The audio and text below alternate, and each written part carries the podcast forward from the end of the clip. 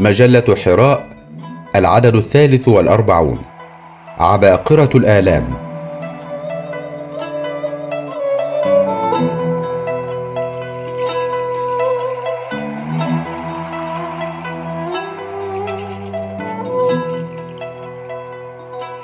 في المقال الافتتاحي لهذا العدد من حراء يصف الأستاذ فتح الله جول الأجيال من عباقرة الآلام بقوله عنهم فكلما قاسوا ارتفعوا وكلما ارتفعوا قاسوا.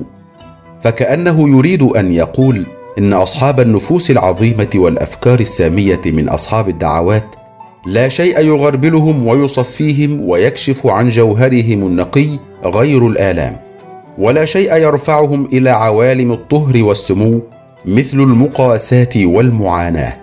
فهناك ارتباط جدلي بين الآلام والأحزان من جهة وبين العلو والارتفاع من جهة أخرى. فكلما اشتدت وزادت اشتد العلو وارتفع السمو. فهذا السمو الحزين والاسى العلوي يظل يأكل في الأجساد حتى تنحل وقد تمرض. فهذا النحول والمرض إنما هو زكاة عبقرية صاحبها. ومع ذلك فهذه الأجيال ماضية في طريقها موفية بعهدها الذي قطعته على نفسها. تركب متن الإرادات الجانحة التي لا تعرف التوقف أو النقوص وماضية في استنهاض العزائم الفولاذية التي يلين الفولاذ وهي لا تلين للوصول إلى مبتغاهم وتحقيق آمالهم في إنسان أفضل وعالم أطهر.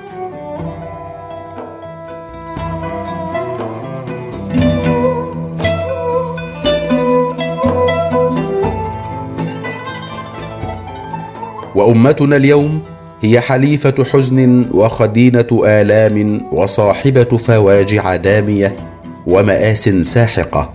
حتى لا يظن أن هذا الذي هو عليها اليوم إنما هو قدرها اللازب بين أقدار الأمم وأنها لن تستطيع الخلاص منه أو الانفكاك عنه. ولكن تاريخها ودينها يقول غير ذلك.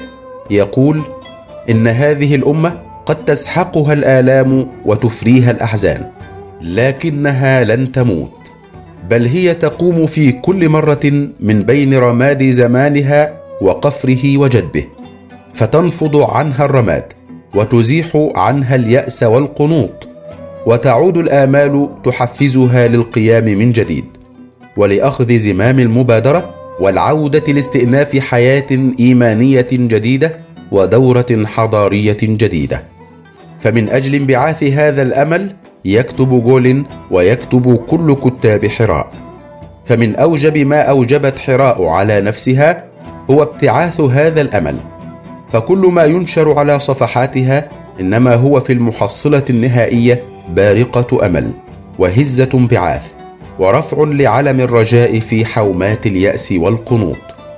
وقد عقدت هذه الأمة آمالها على شبابها الناهض.